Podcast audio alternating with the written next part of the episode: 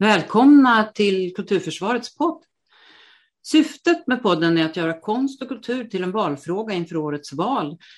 Och jag som leder samtalet heter Ulla Bergsvedin, frilansande skådespelerska, kulturdebattör och grundare av Kulturförsvaret.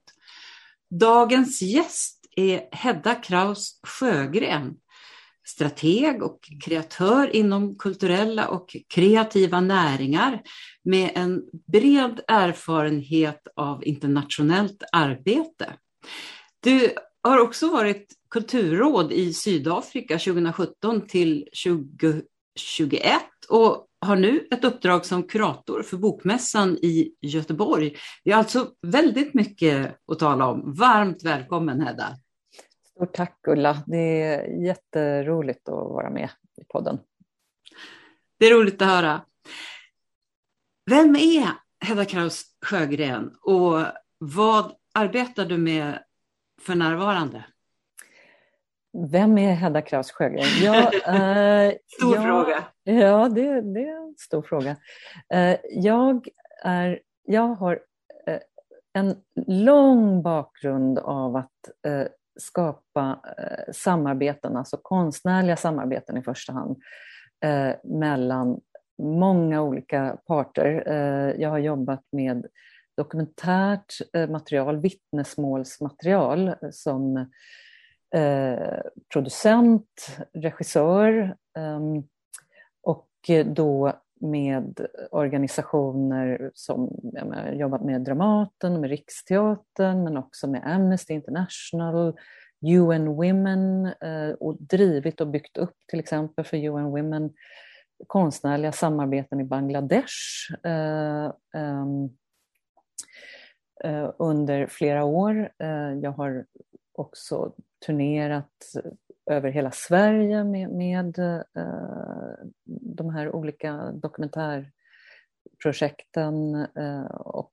eh, arbetat i Bryssel, i USA, Afghanistan och nu senast under ett antal år i Sydafrika. Ehm, så ehm, jag, jag brinner framför allt kan man väl säga för de internationella eh, kontakterna och vad kulturen betyder för enskilda människor, för hela samhällen, för Sverige eh, och för utlandet. Ehm, och det är också där som jag har min, min stora och breda erfarenhet. Um, kulturens roll i eh, konfliktlösning, eh, kulturens roll för hållbara samhällen, för människors väl och ve i det stora, stora och små perspektiv. Så det är en del av den jag är.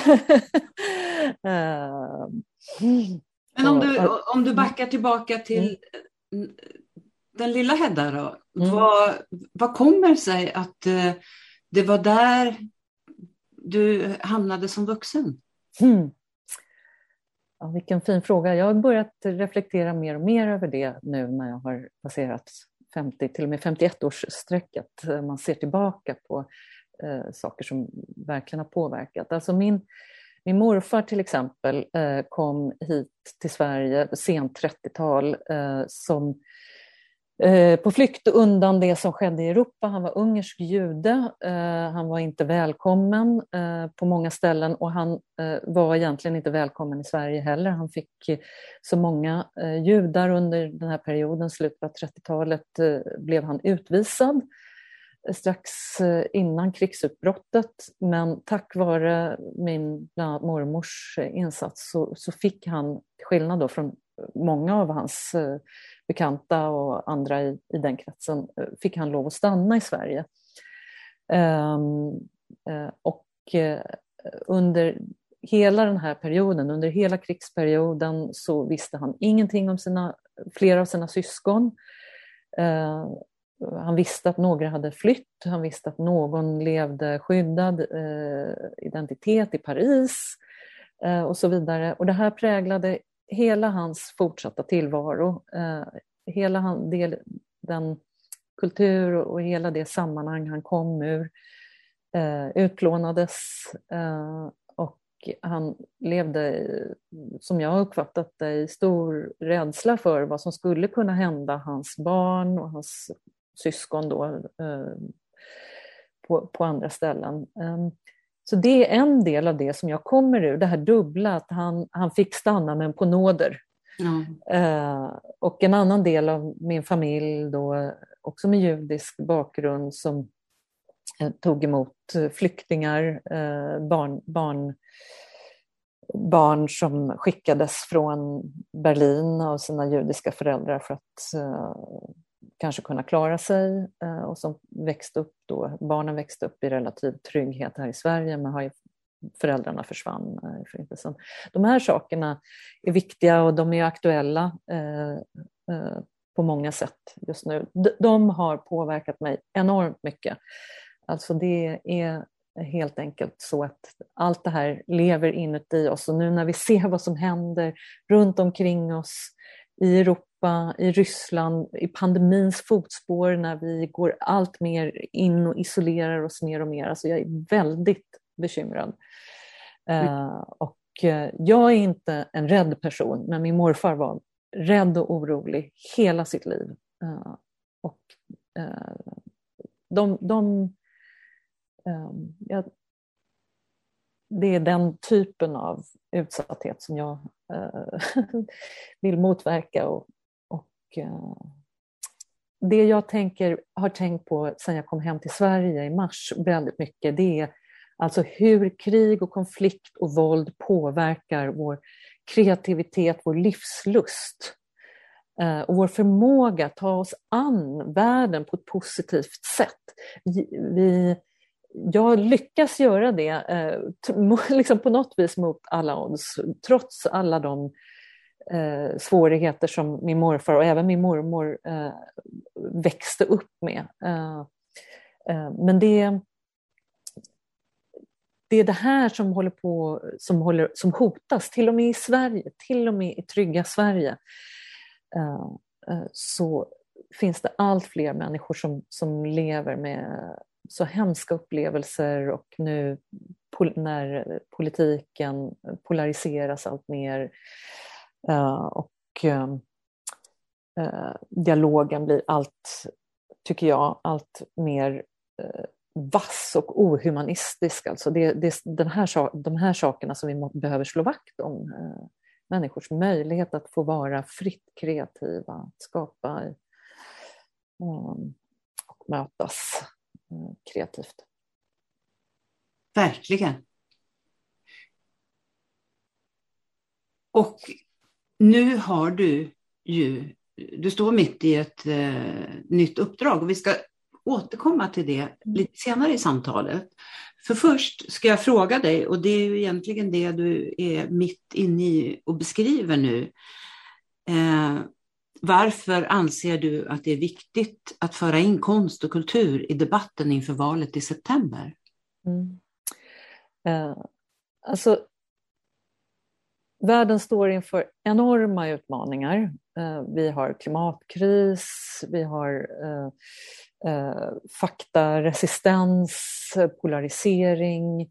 Eh, vi behöver snabbt ställa om, både vad det gäller klimatet men vi behöver också hitta sysselsättning för väldigt många människor. Just i Sverige det är kanske inte ett stort problem men, men om man tittar på många andra delar av världen inklusive Afrika eh, så behöver vi hitta sätt för människor att eh, liksom kunna arbeta och leva ett drägligt liv som inte tär på planeten och som inte skapar krig och konflikt. Eh, I det här läget så är då kulturen eh, mer utsatt än någonsin efter pandemin.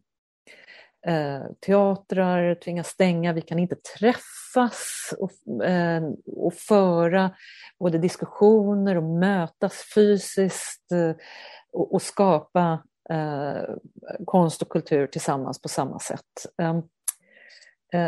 Jag ser risken eh, med allt det som vi har gått igenom nu i pandemin där, där konsten och kulturen och institutionerna och de enskilda eh, kreatörerna drabbas så vansinnigt hårt. Jag ser en jättestor risk med att vi sitter och isolerar oss mer och mer och att eh, liksom allt det kreativa ska ske i en liten, liten bubbla där vi sitter ner framför en skärm. Mm. Det finns jättemycket forskning som visar på hur viktig rörelse och eh, konst och eh, kreativitet, alltså dans, sång och så vidare, är för den intellektuella stimulansen, för eh, människors möjlighet att lära sig andra saker också. Så att eh, om man ska måla ut ett riktigt mörkt scenario så kan man ju tänka sig att eh, när, när kulturen får liksom så lite utrymme att vi faktiskt blir ehm, um, min, inte bara mindre kreativa men att vi blir liksom eh, mindre intelligenta eh, generellt sett över tiden. Så att man behöver den här typen av eh, stimulans för hela, eh, hela människan. Eh, att vi ska liksom bli eh, hel, ja men, ett helt människosläkte som, som sitter framför en skärm eh, he, hela dagarna. Um, Eh, så det är, liksom, det är en sorts dystopi. Men, men en annan sida är också att eh, i...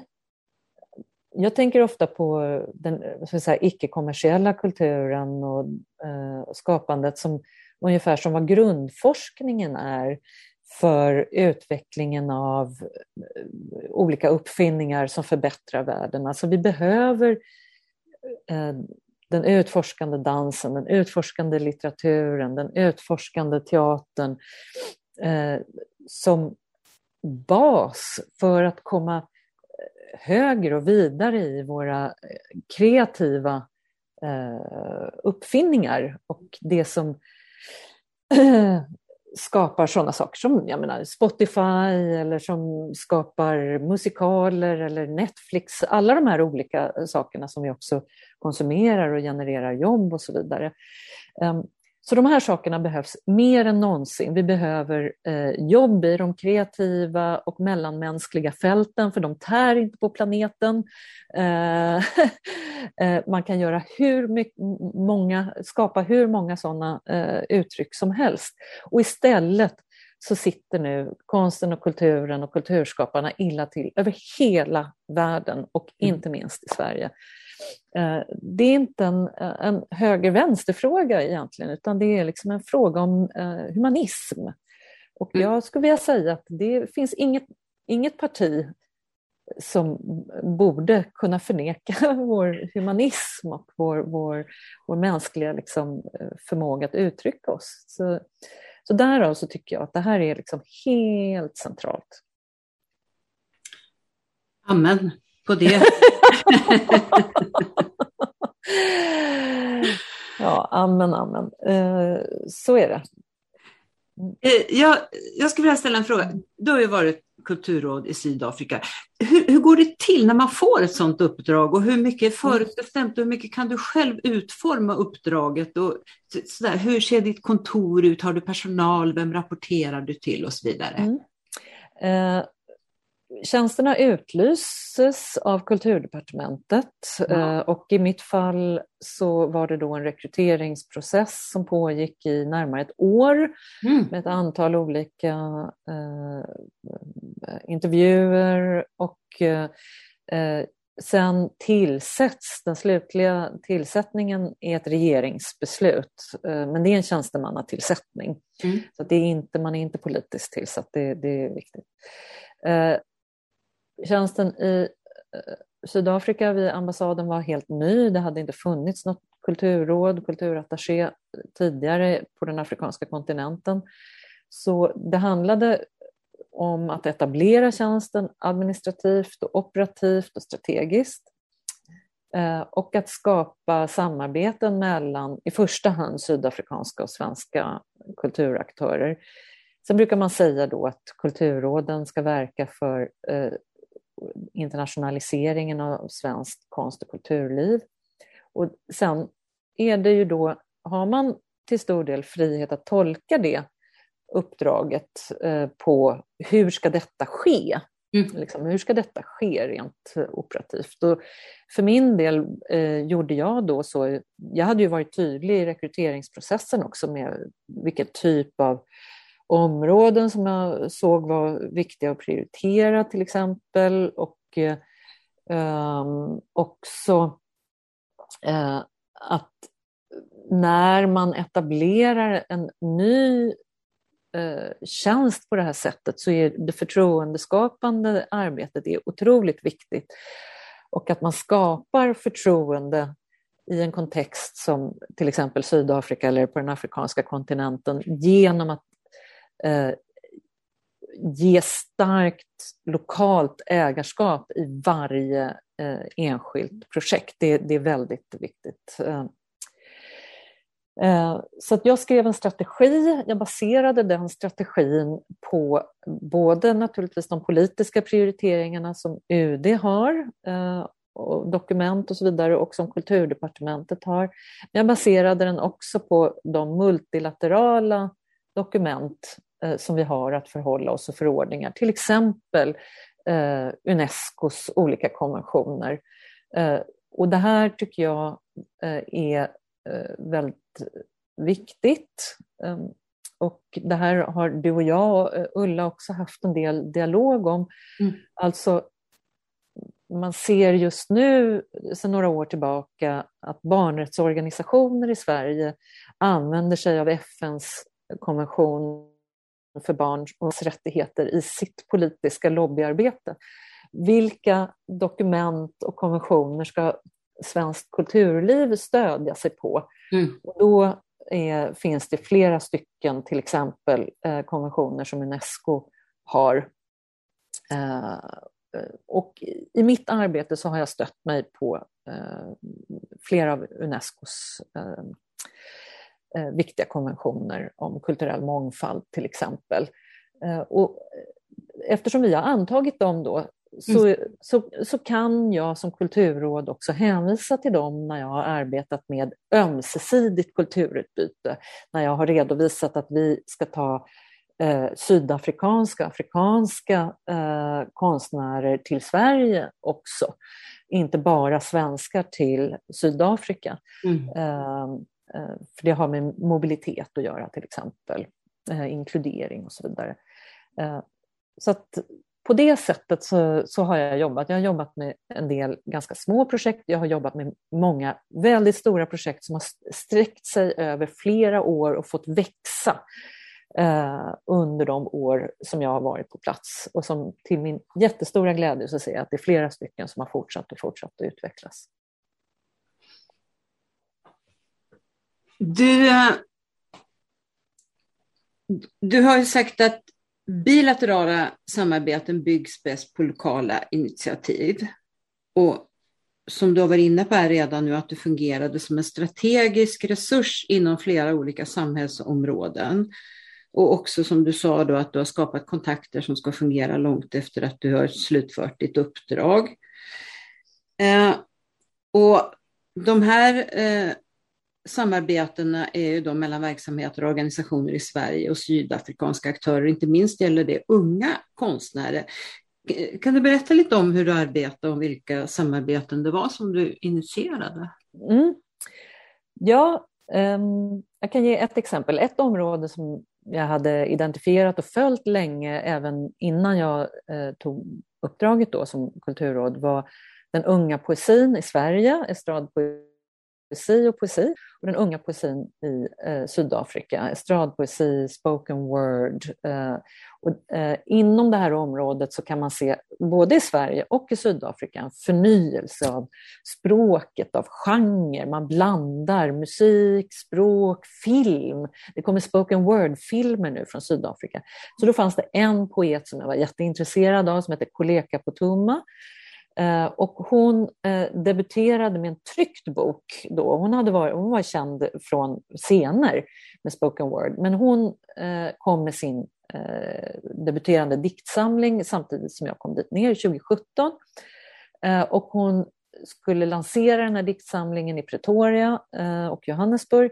Och då hörde jag av mig till organisationen som skulle göra den här lanseringen, en sydafrikansk organisation och frågade kan vi från svenska ambassaden, vi kan komma in och stötta med väldigt lite pengar men vi vill gärna liksom vara med och lära känna er lite grann. Ja men visst, absolut.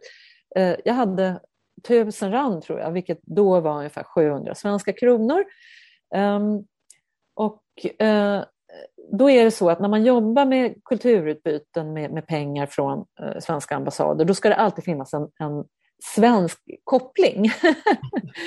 uh, så det här var ett av de första grejerna, en av de första grejerna jag föreslog på ambassaden.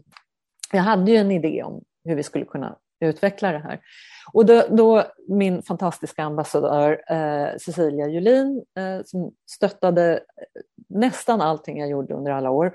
Hon kallade in mig och så sa hon, jaha det här ser väldigt spännande ut, men alltså vad är den svenska kopplingen? Det, det är ju liksom, den frågan måste hon ställa som mm. ambassadör. Mm. och då så tog jag en liten chans, det var ju inte så mycket pengar, men, men då tog jag en liten risk och så sa jag, ja men hennes förläggare, Kollekas förläggare, kommer till Bokmässan i Göteborg i, i höst. Och det visste inte jag om han skulle göra, men jag hade uppmanat honom att söka stipendium eh, för att få komma till Bokmässan i Göteborg. Och då så sa Cecilia, ja okej, okay, men då går det bra. Eh, och sen kom ju Kollekas förläggare, för han fick stipendium eh, och kom till Bokmässan några månader senare. Det var vårt första samarbete kring ung poesi. Och Koleka var väldigt spännande. Den här organisationen som heter Hear My Voice som organiserade hennes eh, lansering ehm, eh, var jättebra eh, och rolig. Och jag fanns liksom bara med i bakgrunden. Eh, det var in, in, in, inga, vi viftade inte med några svenska flaggor ehm, överhuvudtaget utan eh, var fortsatt nyfikna. Och sen byggde vi därifrån. Uh, Hear My Voice um, tog emot ett antal svenska poeter och gjorde ett program för dem, både etablerade och yngre poeter. Uh, lite senare samma år, Athena Farrokhzad bland annat mm. uh, kom ner. Uh, Jenny Högström, Olivia Bergdahl som var uh, Augustpris-nominerad här, eller fick hon till och med arbets... Ja. Och de gjorde otroligt spännande eh, program för dem, både i kåkstäder och på stora etablerade scener. Så har vi byggt från det och jag har liksom eh, eh, satt Hear My Voice i kontakt med svenska aktörer som till exempel det nystartade Göteborgs litteraturhus. Nu är ju de etablerade, men ja. det här var alltså 20, började 2018. Eh, så det här är ett exempel på där Göteborgs litteraturhusen har börjat vända sig till sydafrikanska aktörer, framförallt Hema i Voice, och de har byggt ett eget utbytesprogram som, som nu är inne på eh, år två efter att jag har lämnat. Eh, och eh, sätter ihop yngre eh, poeter från Sverige, från Sydafrika, eh, residensverksamhet, eh, erfarenhetsutbyte, kunskapsfördjupning, pratar om språkförändringar eh, eh, och, och eh, så vidare. Så det, det, det var ett väldigt långt exempel. Men så, så har det gått till.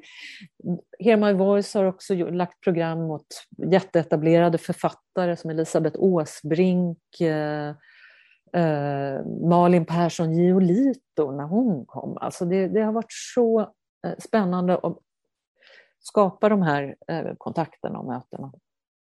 Du nämnde att du pratade med ambassadören då. Är det, är det ett svar på frågan vem du rapporterar till? Eh, det är halva svaret. Man rapporterar, eller jag rapporterade till ambassadören, jag rapporterade till kulturdepartementet eh, och jag rapporterade ofta också till UD. Mm vilket jag bedömde från början som väldigt viktigt eh, strategiskt då för att eh, inkludera eh, UD i, i det arbete som, som vi gjorde där nere. Eh, och det hade jag också min ambassadörs starka stöd i, vilket jag eh, var väldigt glad och tacksam för. Eh, och också lyfta fram hur vi jobbade tillsammans på ambassaden kring kulturfrågor och hur jag också bistod i frågor som rörde demokrati till exempel och eh, även freds och konfliktlösning faktiskt. Ja, just det, för det var en annan fråga, att ni, ni, så att säga, ni samarbetade inom ambassaden. Ja. För det är ju, det är ju intressant. Mm. Mm. Att, att det integrerades i annat eh, arbete. Mm. Um, vi gjorde uh, till exempel, men jag kan ge kanske två exempel. Uh, det här var på liksom temat freds och konfliktlösning och kvinnors roll uh, i freds och konfliktlösning. Hur, hur kan man inkludera det eller hur kan man jobba med det från en konstnärlig sida? Och framförallt hur, hur ska man göra det utan att konsten är ett verktyg, utan mm. att den har sin egen integritet och det här har varit helt centralt. Eh, och eh, Eh, ett exempel på det var att vi, jag var med och, katalyserade fram ett samarbete kring ehm, eh, ja, vi kallade det Women War Struggle Stories, alltså journalister, författare och filmare som börjat, svarta eh, journalister, eh, författare och filmare, som börjat utforska och dokumentera sina egna och sina släktingars, kvinnliga släktingars erfarenheter i motståndsrörelsen, alltså i motståndet mot apartheid. Vad hade kvinnorna för upplevelser där? Det har kommit eh, romaner, det har mm. kommit mm. filmer, det har kommit dokumentärfilmer eh, och reportageserier om detta. Det har varit tabubelagda frågor därför att kvinnorna var mycket utsatta mm. eh, i den starkt, ja, men i, i den här våldsamma miljön som mm. är. Så det var ett eh, exempel och då kunde ambassaden koppla vårt arbete där vi förde samman då svenska och sydafrikanska eh, konstnärer och författare till sitt arbete kring eh, feministisk utrikespolitik egentligen. Alltså, och säga det här är en del av vårat, eh, vårat sätt att arbeta med den feministiska utrikespolitiken. Eh, vårt kulturråd eh, eh, skapar samarbeten mellan kvinnliga författare i Sverige och Sydafrika som, som gräver i de här väldigt svåra tabubelagda områdena och skriver och formulerar sig och, och så. Så det är ett exempel. Ett annat exempel eh, är att vi jobbade ihop med eh, SIPRI eh, och SIPRI står för Stockholm International Peace Research Institute och det är ett statligt finansierat fredsforskningsinstitut. Mm. Och där hade vi för första gången med på deras stora internationella samling som de har då eh, kongress eller konferens varje år ett stort segment om kulturens roll i konfliktlösning med sydafrikanska, syr, syriska, amerikanska och svenska eh, kulturföreträdare. Um, och det var det kunde jag göra från min plattform i, i Sydafrika. Det var inte specifikt fokus på Sydafrika utan på just eh, hur kulturen eh, lever eh, och arbetar eh, konfliktförebyggande eh, i svåra sammanhang. Och också i uppbyggnad, uppbyggnaden av, av eh, eh, sköra samhällen efter fred, eh, efter konflikt. Eh, du har också sagt i en artikel att en del av ditt uppdrag i Sydafrika var att uppdatera och modernisera bilden av Sydafrika och Sverige i respektive land. Och eh, du berättade om en namibisk, namibisk filmare som har sagt, jag ser ingen relation till Afrika som ständigt manifesteras i filmer, musik och media, för den handlar alltid om starka färger, trummor och vilda djur. Vad var det för bilder som du såg fanns i respektive land som behövde ifrågasättas? Sverige och Sydafrika har en lång, lång, lång tradition av samarbeten, eh, stöd från svenskt håll i kampen mot apartheid. Ehm, och eh, eh, den bilden är sann, men den är en del av hur Sydafrika och Afrika ser ut idag. Men den har också dominerat ganska mycket i, i svenska medier, alltså kåkstäder, mm. fattigdom eh, och traditionella kulturyttringar, eh, liksom, traditionell dans till exempel, eller hantverk. Allt det är sant. Eh, men det som också finns eh, i en nation där ja, är det 40 procent av befolkningen är under 25 år. Mm. Ett land med ett fantastiskt universitetsnätverk, alltså otroliga universitet med konstnärliga utbildningar som är mycket sofistikerade på internationell nivå. Ehm, så finns det ehm, både idéströmningar, det finns eh, typ av ny, allt ifrån ny modeskapare som är inspirerad av konst eh, och kulturströmningar. Eh, film, anima, animatörer, eh, filmskapare som arbetar med, man kan, ibland kallas det afrofuturism till exempel. De postkoloniala filosofiska strömningarna som eh, kommer till stor del ur akademin i södra Afrika. Det är där eh, mycket av de här eh, tankeströmningarna kommer ifrån och sen kommer vidare till Amerika till exempel och mycket senare kommer till Sverige. Det här är, är liksom fält som är, är starka, beforskade, eh, stora nätverk, inte bara på den afrikanska kontinenten men internationellt. Och där har Sverige eh, stått lite utanför. Det finns vissa um, undantag naturligtvis. Det finns forskare och en del personer i Sverige som är väldigt kunniga. Men de har varit som små öar i, i det större landskapet.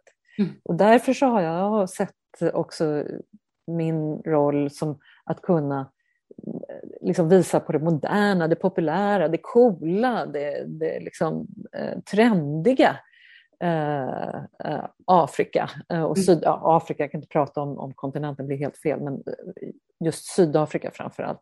Mm. Fotografi och så vidare. Och till stor hjälp då av de kulturinstitutioner i Sverige där det finns väldigt mycket kunskap och erfarenhet som till exempel Bildmuseet i Umeå, eh, Valand i Göteborg eh, som har haft många samarbeten inom litteratur och film. Eh, eller eh, Vannås eh, skulpturpark i Skåne. Och Eh, till exempel Kalmar läns konstmuseum eh, med Joanna Sandell som numera är i Södertälje. Bara för att nämna några personer och institutioner eh, som nu står väldigt väl positionerade för att ännu mer, skapa ännu mer moderna, intressanta kontakter mellan Sverige och svenska och sydafrikanska kreatörer. Det kommer bidra, och det gör det redan, bidrar mycket till eh, svenskt kulturlivs eh, utblick och eh, inspiration och så där. det här som du säger nu, tänker jag, det sätter ju ännu mer fingret på hur viktigt det är att konsten och kulturen får en helt annan status och ställning också i det svenska samhället. För att om kunskapen stannar inom det konstnärliga fältet, då då förlorar ju vi som samhälle väldigt, mm. väldigt viktiga kunskaper om världen i stort. Mm. Det, det håller jag absolut med om. Och jag tänker att det här med att arbeta både brett och spetsigt är, är, är väldigt viktigt. Men också att våga att vi i, i kultursektorn vi ska med självklar självsäkerhet kliva in i de andra rummen. Och om vi, så fort man gör det, om, om det finns röster som hela tiden eh, säger ja, men konsten får inte bli instrumentell, då, då, har, då, då begränsar vi vår, våra möjligheter. Konst är konst. Ja. Om konsten är bra så är den bra. Eh, konsten gör alltid saker. Ja. eh, men om den är instrumentell, då är den redan propaganda. Vi måste bli mycket bättre på att skilja på propaganda eh, och kvalitativ konst. eh, alltså, är det, är det, är, om konsten blir instrumentell, då är den redan propaganda. Men vi som är i konstfältet, vi ska göra och vi ska ta kontakter med andra delar av samhället och, göra saker. Liksom, eh, inte vara så eh, ängsliga för att eh, uppfattas som instrumentella. Det är en sak att uppfattas som en instrumentell och det är en annan sak att vara eller inte vara det. Jag upplever att där finns det, där har vi utrymme att agera. Ja. Eh, jag är helt enig med dig och det där det, det, är en sån, ja, det, men det, det där är extremt intressant tycker jag för att mm. det är en balansgång vi har att gå och jag tänker hela tiden att det, vi får skilja på syfte och effekter. Mm. Eh, absolut. Eh, och jag tror också att, eh, att isolera sig eh, gentemot resten av, av politiken och eh, gentemot resten av samhället och, och, och är, är en problematisk väg att gå. Vi som står för öppenhet, vi måste också agera liksom med öppenhet mot alla andra delar av, av politiken och mot samhället. Men, men vi står inför en jättestor, eller vi är mitt i en jättestor kris alltså. Uh, och uh, det är i det här läget som vi behöver de internationella kontakterna ännu mycket mer. Vi behöver starkt ekonomiskt stöd för de internationella kulturkontakterna. Och eh, det kan man, vi klarar oss hyggligt kan man tycka här i Sverige, men, men alltså även här så är, ju, är det ju så tydligt att, att eh, konsten och kulturen har är på tok eh, för, för svagt för, för svag infrastruktur och det är inte läge att isolera sig. Vi måste ta risker nu liksom, och vi måste öppna oss utåt. Det, jag är helt är beredd att eh, göra ganska mycket kring det här framöver. Verkligen.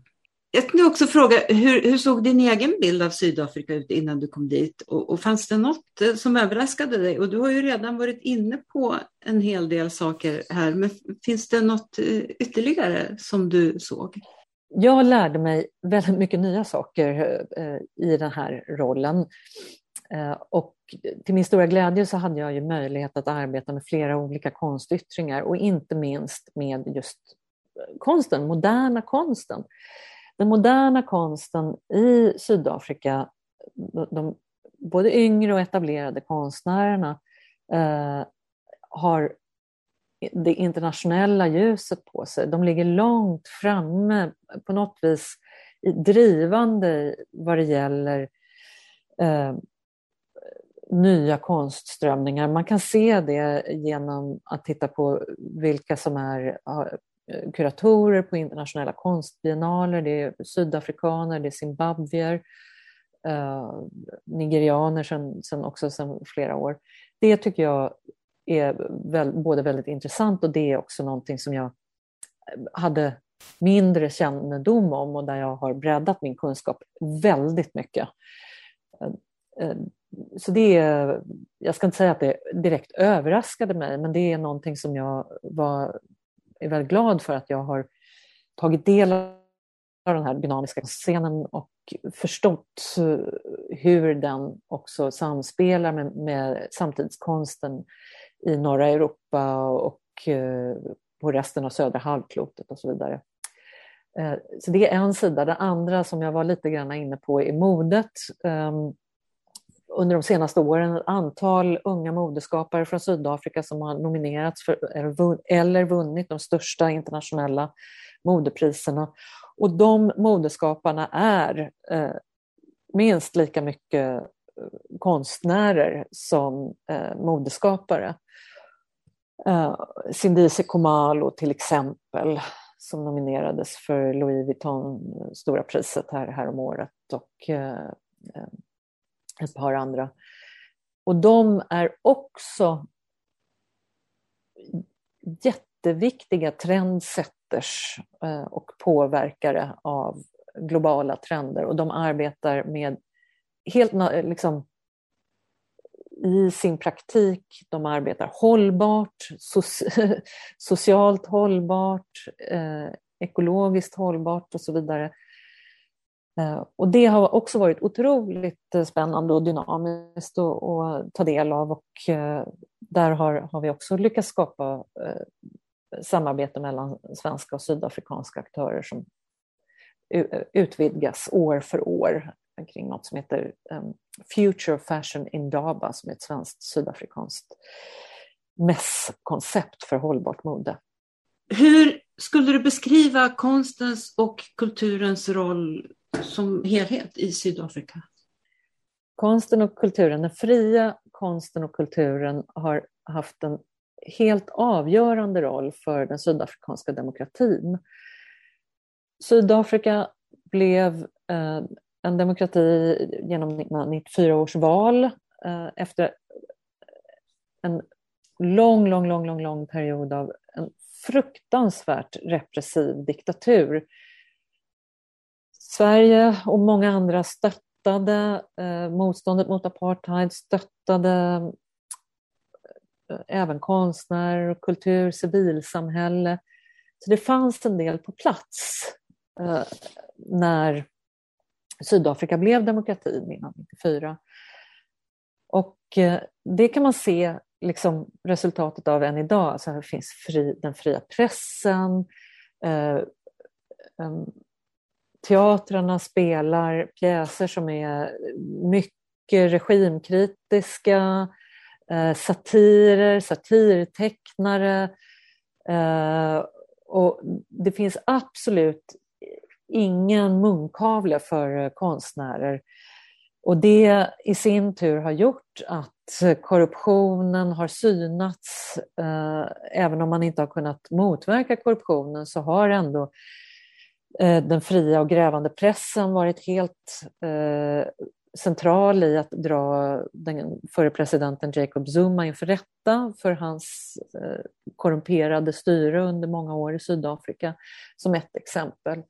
Det har också varit konsten och kulturen bidrar till att liksom, unga människor i kåkstäderna får möjlighet att utbilda sig, att Eh, komma eh, vidare ur, ur um, svåra eh, situationer och så vidare. och så vidare. Så helt, helt central. Men stödet, det statliga stödet för konsten och kulturen i Sydafrika fungerar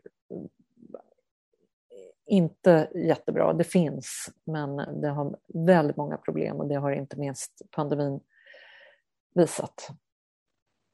Det finns ju vanligtvis en filmindustri under vår vinter, så att säga, just för tillfället i Sydafrika. Det, det är inte så känt här, tänker jag. Men den har förstås legat nere nu under pandemin och det har väl också påverkat eh, kulturlivet och de som har sin utkomst.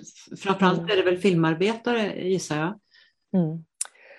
Det stämmer. Alltså Kapstaden har en internationell eh, filmindustri. Det handlar fram, framförallt kanske om, om eh, reklamfilm men också spelfilm. Och eh, det finns eller har funnits eh, studios och liksom hela eh, spektrat av filmarbetare eh, från eh, kamerapersoner till scenbyggare byggare och så vidare.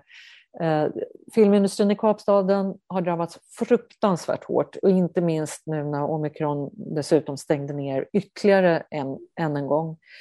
Eh, och det är så allvarligt så att jag vet inte riktigt vilken ända jag ska börja och berätta för att det eh, är inga ljusa bilder. Alltså, man talar om i Sydafrika nu om, om eh, covid economics i kulturfilm, kulturbranschen.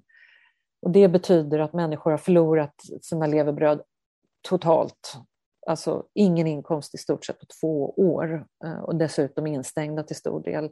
Det resulterar i att eh, företag har eh, stängt ner. Ehm, jag känner till flera självmord och alltså det är personer som har tydligt förklarat att det här går inte längre. Ehm, och de har tio rand kvar på fickan. Eh, man ser personer som har jobbat eh, som också de som har jobbat allra längst ner, de som, ja, men, vad heter det? Jag, jag, kan inte orden på svenska, men alltså som jobbar som chaufförer och catering och det är liksom eh, allt detta runt omkring eh, som helt fallit ur nu ett inkomstsammanhang. Så det är fruktansvärt.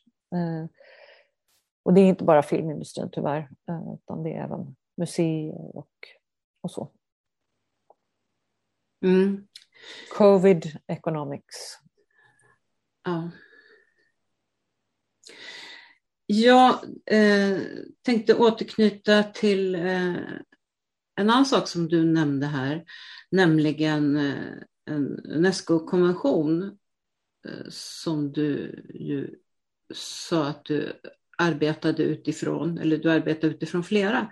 Men det finns en eh, som trädde i kraft 2007 och som Sverige har skrivit under eh, om skydd för och främjande av mångfalden av kulturyttringar. Och den eh, talar om att vi ska använda konst och kultur både inom landet för att ge minoriteter möjlighet att utöva sin konst och kultur, att mångfald ska beaktas i samhällsbygget och att länderna ska främja utbyte av konst och kultur, precis som du har berättat. Med tanke på de diskussioner som förs här i Sverige nu, där mångfald snarare ses som något vi ska undvika, så undrar jag varför den inte lyfts fram, för där finns också i artikel 2 vägledande principer, respekt för de mänskliga rättigheterna, likvärdighet och respekt för alla kulturer. Att skydda och främja mångfalden av kulturyttringar innebär att man erkänner alla kulturers likvärdighet, däribland minoriteters och ursprungsbefolkningars och att man respekterar dessa. Och det här skulle jag ju vilja höra de debattera i riksdagen. Och varför, varför tror mm. du att det inte är ett levande dokument som någon ens lyfter upp? Eh, jag skulle säga så här att det är, det är ett levande dokument och det lever i det internationella, i internationella och multilaterala sammanhang och det lever på så sätt att um, jag tror att många svenska aktörer och svenska Unesco ser det som uh, stöd för Sveriges, Sveriges bidrag till Unesco internationellt. Ah. Men det du nämner tycker jag är så relevant. Det skulle kunna vara ett levande dokument också för oss i Sverige ah. uh, i relation till beslutsfattare. Uh, och jag tror helt enkelt att vi har inte varit i, i den situationen eh, riktigt förrän nu, eller den har inte, kulturens skör, skörhet eh, har ju inte uppenbarats för det breda politiska fältet förrän nu under pandemin. Så nu är väl ett alldeles utmärkt tillfälle att göra just det som du talar om, att, att använda eh, Unescos konventioner också för oss själva internt här, eller nationellt eh, här i Sverige och inte bara vad det gäller internationella åtaganden. Ja, för det står ju ändå mm. där, så att säga. Mm. Vi får fundera på det. Mm. Du, du har ju nyligen avslutat ett arbete på Kulturdepartementets internationella sekretariat, bland annat med frågor som rör hållbarhet och internationellt kultur och demokratifrämjande. Kan du berätta något om vad det handlade om? Mm. Ja, dels handlade det om eh, det jag ville kalla institutionellt lärande. Alltså, tjänsten som jag hade när jag var utsänd var ny eh, och eh, de erfarenheter eh, och eh, metoder som, som jag och också andra kulturråd arbetar med eh, identifierade vi i samband med ett annat analysarbete på departementet finns det behov av att kunna sprida ehm, till personer, till exempel som är utsända av UD för att främja relationerna mellan Sverige och andra länder. Alltså diplomater som inte bara, eller som framförallt inte jobbar med kultur och som inte har ett kulturråd på sin ambassad. Så det var en av de saker som jag eh, sysslade med. Hur skulle, hur skulle man kunna göra detta eh, och stärka kulturens roll i internationella relationer även hos de ambassader som, som inte har kulturattaché eller kulturråd. Um, så att, um, ja, det finns ett antal förslag eh, kring hur detta skulle kunna gå till. Jag ser ett mycket stort behov och också en stor önskan från UD och UDs utsända personal, de som faktiskt gör diplomati på marken, precis som vi kulturråd, eller som jag då när jag var kulturråd.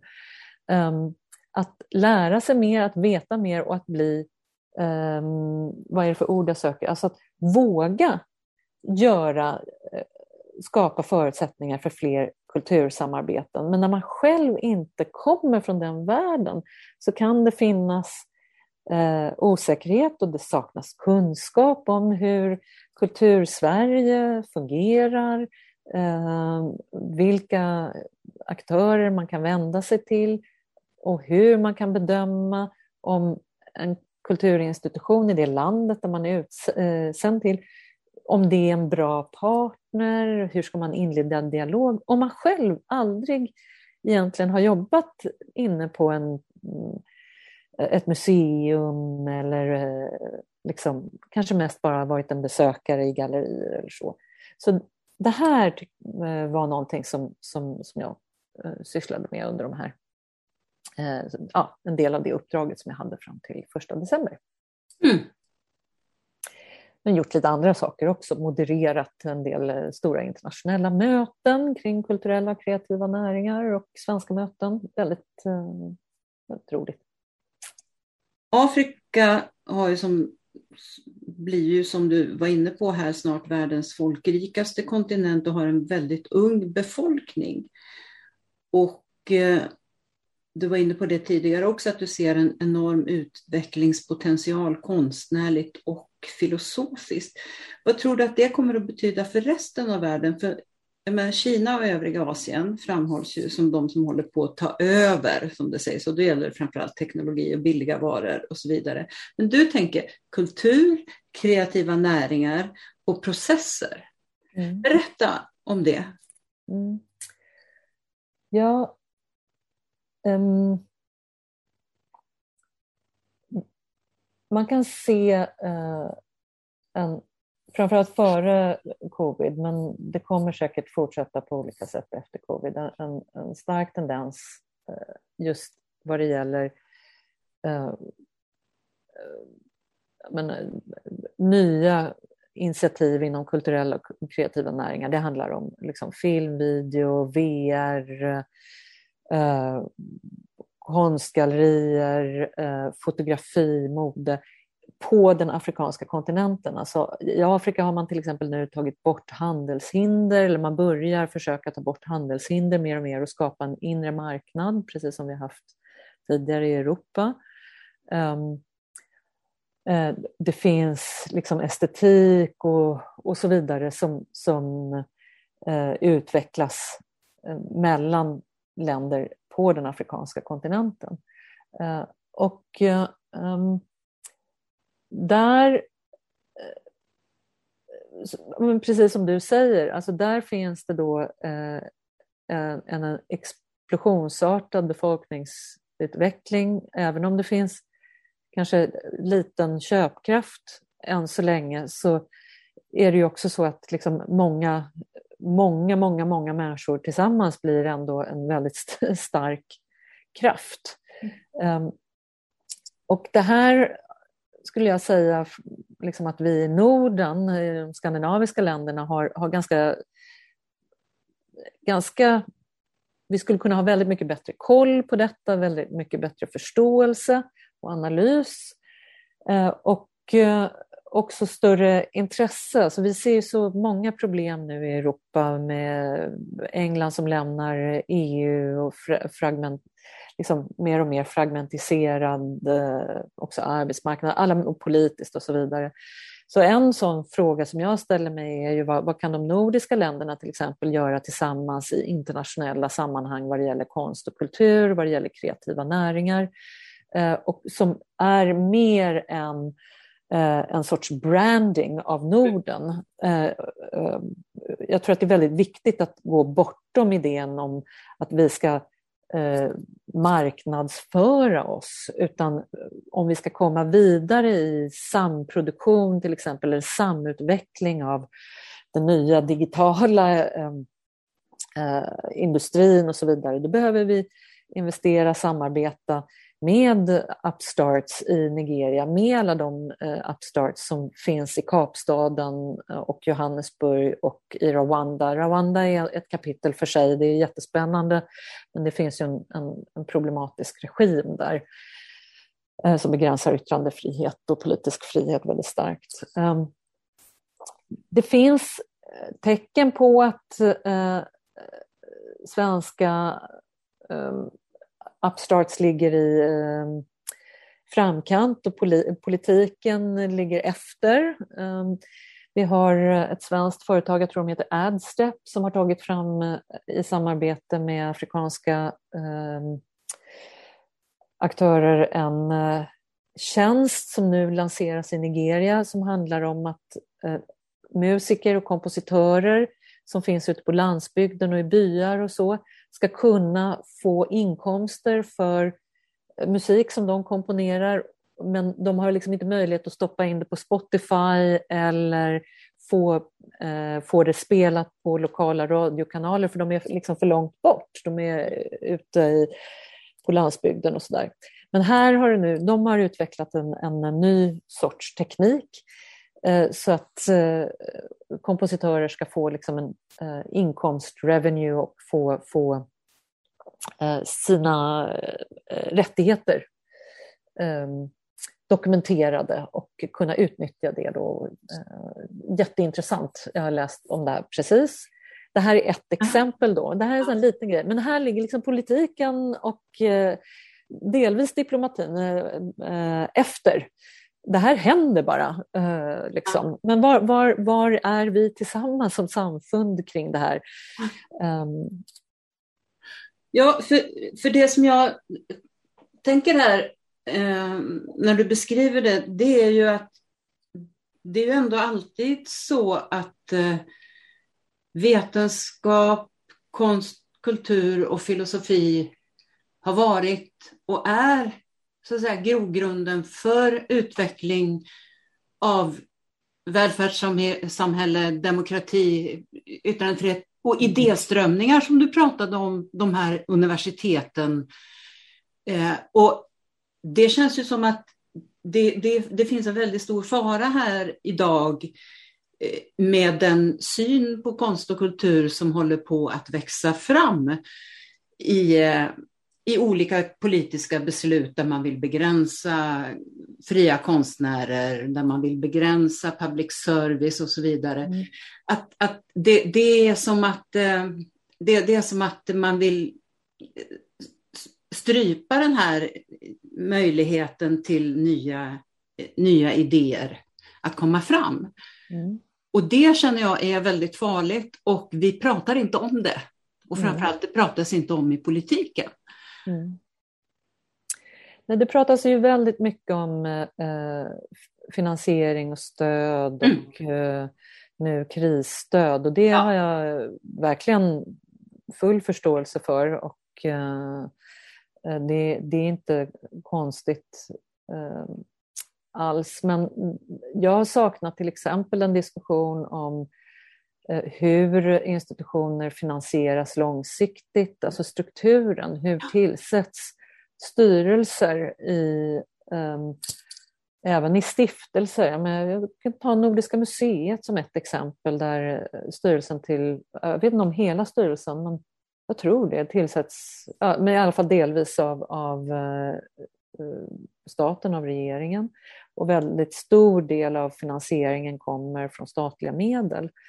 Um, hur ser um, stadgarna ut för den typen av eh, väldigt viktig institution som ändå är en stiftelse och som är fri. Nu har det kommit på sista tiden, det har kommit, det kom en analys bara häromdagen från um, Myndigheten för kulturanalys om finansieringsmodeller och jämförelser i, inom de nordiska länderna. Nordisk kulturfond har startat lite liknande um, idédiskussion. De kom med en bok i våras, eh, speglingar, där olika eh, kulturpersonligheter och tänkare reflekterar över just den här typen av frågor. Eh, och eh, även det nya betänkandet då från Uppstart, Omstart för kulturen lyfter en del av de här frågorna.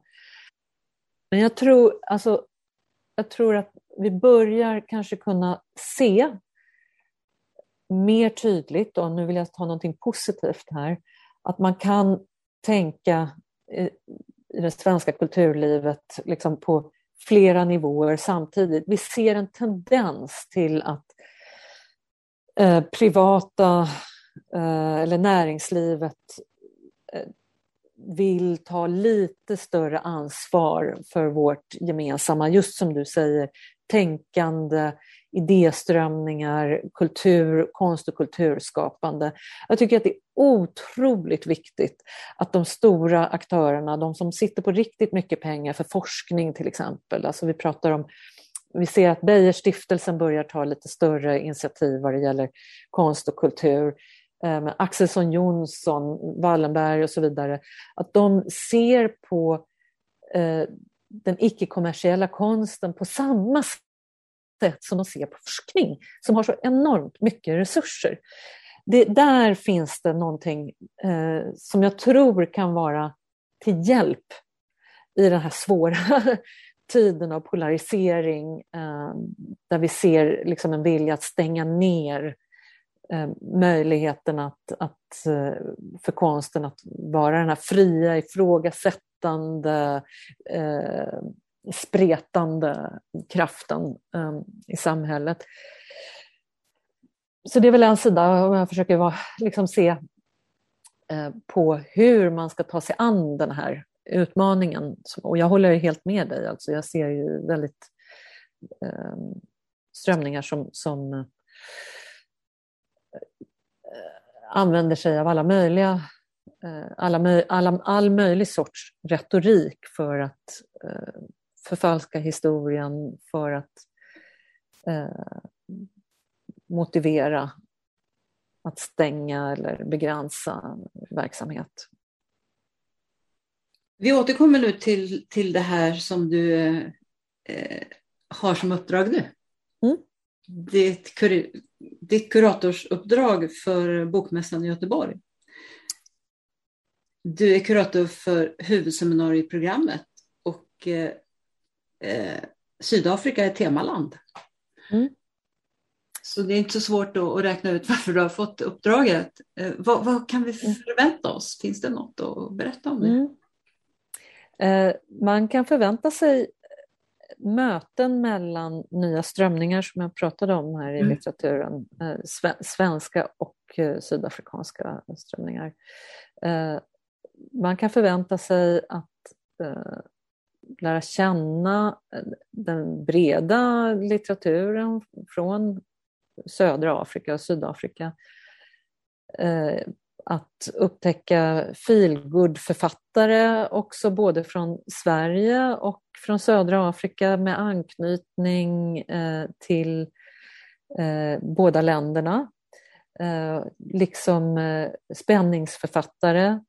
Så att hitta utanför liksom den traditionella Nordic noir eller den engelska amerikanska deckaren. Mm. Till exempel. Uh, det kan man... Uh, så det, det, kommer liksom, det kommer bli både uh, spetsigt men också brett och titta på, hitta helt nya, nya roliga författarskap. Mm. Um, så um, det blir, det blir unga, hungriga och gamla lejon och lejoninnor som kommer att uh, prata med varandra om det som uh, vi älskar så mycket, nämligen litteratur, läsande böcker, barnböcker också. Ja. det kommer, Spännande. Ja, Eh, verkligen eh, svenska och afrikanska barnboksförfattare. Ehm, mm, så det kommer bli rikt och roligt. Ehm. Och vi hoppas att det finns möjlighet för människor att resa hit. Ja, absolut. Det arbetar vi. Det är själva grundutgångspunkten. Det, det, det satsar nästan på.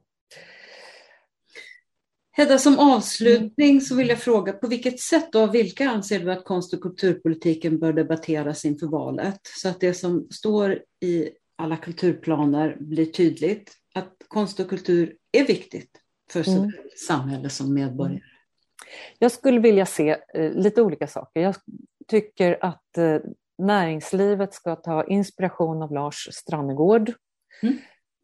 Um, Eh, som är rektor på Handelshögskolan i Stockholm och som kliver fram mer och mer och mer eh, med ett arbete som han har hållit på med i flera år. Eh, inte för att säga att det är, räcker och täcker allt, men låta sig inspireras av en, en sådan person. Jag skulle vilja se att ehm, de stora universitetens rektorer Eh, också tar del i just denna debatt. Eh, och tar, en, alltså förutom då Lars, eh, inte bara debatten om humaniora, men alltså om, om konsten och kulturen, den konstnärliga forskningen. Jag, jag, tycker att Göteborgs universitet, Stockholm Uni Arts är föregångare, men, men det här, de här frågorna behöver eh, lyftas av rektorn liksom, för Lunds universitet. Eh, Eh, Eh, Uppsala och så vidare. Ehm, det är någonting som jag skulle vilja se. Jag skulle vilja se näringslivets stora aktörer, alltså de, framförallt kanske de som, som sitter i styrelserna för de stora forskningsråden ehm, eh, och fonderna eh, delta, sätta sig in i de här frågorna på allvar, både vad de har för betydelse nationellt och internationellt. Eh, så då, där har du en liten lista, jag kan fortsätta. Eh, jag skulle ju väldigt gärna vilja se eh, Ann Linde som är nu vår utrikesminister. Jag vet att hon är djupt intresserad av de här frågorna och jag förstår att eh, säkerhetsfrågorna står mycket, mycket högt på agendan. Men jag skulle vilja se att hon tillsammans med andra aktörer lyfter de internationella kulturfrågornas betydelse för stabilitet i det långa perspektivet. Det var precis det Sverige gjorde när vi stöttade eh, frihetsrörelserna i södra Afrika eh, på 80-talet. Där behöver vi fortsätta att vara både på vår inhemska arena och på den internationella arenan. Ja, det vore något mm. att få uppleva. Mm det, det är klart att vi ska uppleva det. Jag har förstått att Peter Hultqvist också är, är intresserad av eh, konst och kultur. Mm. Läste jag någonstans. Mm. Det har ju varit något. Mm. Mm. Absolut. Uh, och jag tycker... Uh, ja, nej men det, jag, jag, jag nöjer mig så. Mm. både Stefan Löfven och Göran Persson har ju kommit ut som kulturintresserade efter de har mm. slutat.